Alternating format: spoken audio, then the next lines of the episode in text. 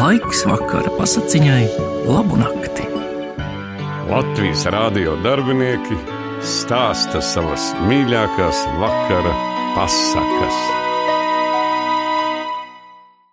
Esiet sveicināti! Šovakar dzirdēsiet Māras Cielēnas pasaku ciemos pie Johana Mušpapīra. To lasīšu es, Aigars Rozenbergs, Latvijas radio ziņu dienesta ziņu redaktors. Kādu dienu, kad mamma virtuvē mizoja kartupeļus, tētis ielavījās pieliekamajā kambarī panašķieties ar ievārījumu. No turienes viņš pēkšņi saklausīja, ka mamma dungo vecu un veco dziesmiņu. Dziļi, dziļi mežā dzīvoja kāds vīrs, un to vīru sauca Johans Mušpapīrs. Paklau, pat muti kārtīgi nenoslaucīs teica pabāza galvu pa kambaru durvīm. Traki sen par Johanu nekas nav dzirdēts. Nes kā viņiem tur dziļi mežā šajos grūtajos laikos iet, vai mēs svētdien ar bērniem nevarētu aizbraukt ciemos?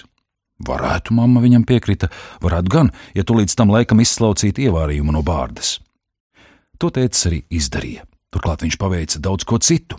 17 reizes nodziedāja saviem bērniem, Kristīnu Mārai, Alanam Žoržam un Apolītam dziesmiņu par Johanu un atbildēja uz bērnu 228 jautājumiem par mušpapīru ģimeni.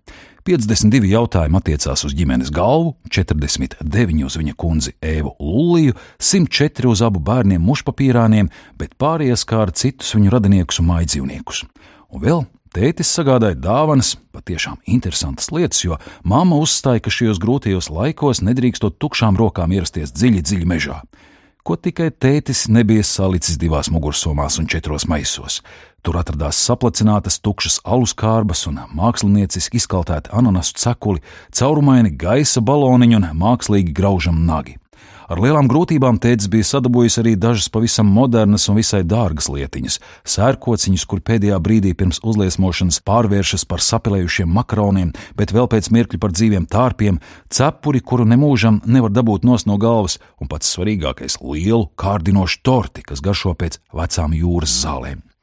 Ar dāvanām apkrāvusies, ģimene svētdienas rītā atstāja mājas un devās uz dziļo, dziļo mežu. Viņu ceļš nebija rozēm kaisīts ne pavisam ne. Kamēr gājēji nokļuva meža dziļumā, šis tas ar viņiem atgadījās.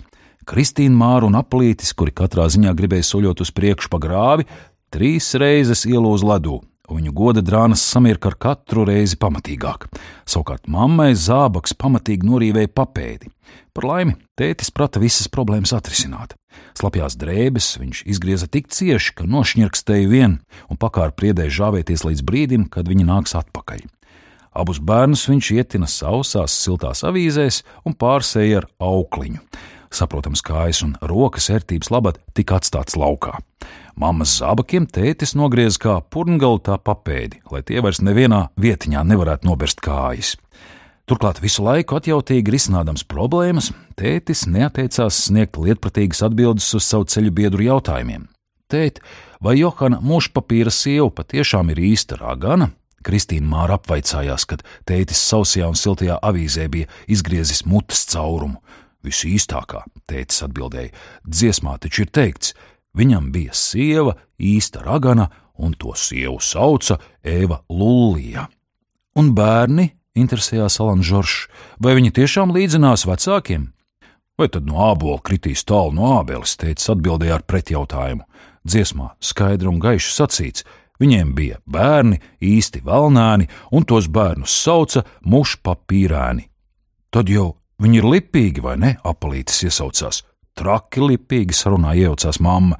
To drīz vien manīsiet gan jūs, bērni, gan mēs ar tēti. Patiesi, drīz vien meža dziļākais dziļums bija sasniegts, un gājēji ieraudzīja namiņu. Viss sakrīt, tētis nopriecājās, esam nonākuši īstajā vietā. Dziesmā ir sacīts, viņiem bija namiņš, tīri tā nekas. Cik no atnācēji spēja saskatīt, namiņš patiesi bija tā nekas. Durvis tam atradās uz jumta, un būtu atveramas kā lādes vāks, ja vien būtu rokturis, ar kur tās pacelt. Tā kā durvis nebija atveramas, mājiņā varētu iekļūt pa diviem skursteņiem, kas atradās katrs savas sienas vidū. Taču tajos bija sakrājies ūdens, un tie bija aizsaluši. Jo labāk ciemiņiem nevajadzēja klauvēt ne pie durvīm, ne pie skursteņiem. Visi namiņu iemītnieki dzīvoja pāru, kā to bija darījuši kopš ziemas sākuma, kad skursteņa aizsala. Ciemiņus pamanījis Johans Mušpapīrs, kurš ceturto stundu pēc kārtas ar vienu čiekuru nesekmīgi bija centies trāpīt otram čiekuram, apsveic atnācējs ar apdullinošu svilpienu. Eva Lūlija, kur dārziņā bija laistījusi krietni sakuplojušās grīdas lupatas, aiz prieka sacēla gaisā visus savus zilganzaļos matus un tā izbolīja acis, ka ciemiņiem kļuva tīri salti. Savukārt mušpapīrāni, kur karājās apkārtējos kokos ar galvu uz leju, izdevesa tādas apsveikuma skaņas, ka viņiem tūlīt kļuva ne tikai silti, bet pat karsti. Pavisam drīz abas ģimenes bija atradušas kopēju valodu. Tēcis ar Johānu aiz namiņa pārcilāja milzīgu dzelzceļa slūžņu kaudzi, meklējami kādu sīku skrūvīti, kuru mušpapīrs katrā ziņā gribēja parādīt tētim. Mamma ar Evu Lulliju sprieda, kā pavasarī no zaķkāpostiņiem pagatavot viltotā zaķa cepeti. Bērni ar mušpapīrāniem bija kā kopā salipuši. Viņi karājās ar galvu uz leju no kokiem, grauza akmeņus, kas ņirkstēja vien, ložņāja pa lapsu alām un vēl daudz dziļākiem un nozīmīgākiem pazemes dobumiem. Visi jutās tik lieliski, ka nemanīja piezogamies ne krēslu, ne tumsu. Kad tums jau bija sabiezējis piķa melnumā un biezumā, tētis ierunājās par došanos mājup. Rīt ir darba diena, viņš sacīja. Protams, atvadīšanās visiem bija drusku sāpīga, nācās atlipināties vaļā no dārgiem draugiem, taču tētis visus mierināja. Nebēdājiet, nu jau mums ceļš ir zināms, kur katru svētdienu atkal varēsim atšauties šurp. Tomēr tik vienkārši ar to ceļa zināšanu nebija viss. Vesels trīs reizes viņi kļūdījās un izgāja laukā katru reizi citā meža malā, tikai vajadzīgajā ne. Īstajā malā viņi beidzot nonāca gan tikai īstajā vakarā ne. Viņi tur bija veselu diennakti vēlāk. Taču, kā apgalvoja tētis, nekāda traģēdija tā nebija. Rīt arī ir darba diena. Darba dienu ir daudz, nekas nav nokavēts, viņš sacīja mammai un bērniem. Sarežģītāk būtu tad, ja rīt būtu svētdiena.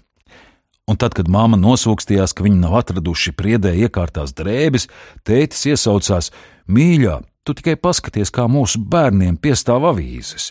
Tās taču iznāk gandrīz katru dienu. Turklāt daž dažādas, plānas un biezas, krāsainas un melnbaltas, nekad viņi nesteigās pliki.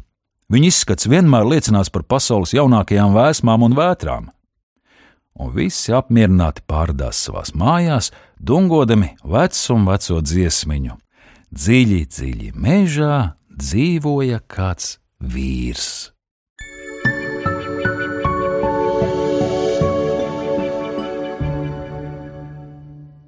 Māras Cielēnas pasaku ciemos pie Johana Ušpapīra. Šokar jums lasīja es, Aigars Rozenbergs, Latvijas radio ziņu dienesta ziņu redaktors.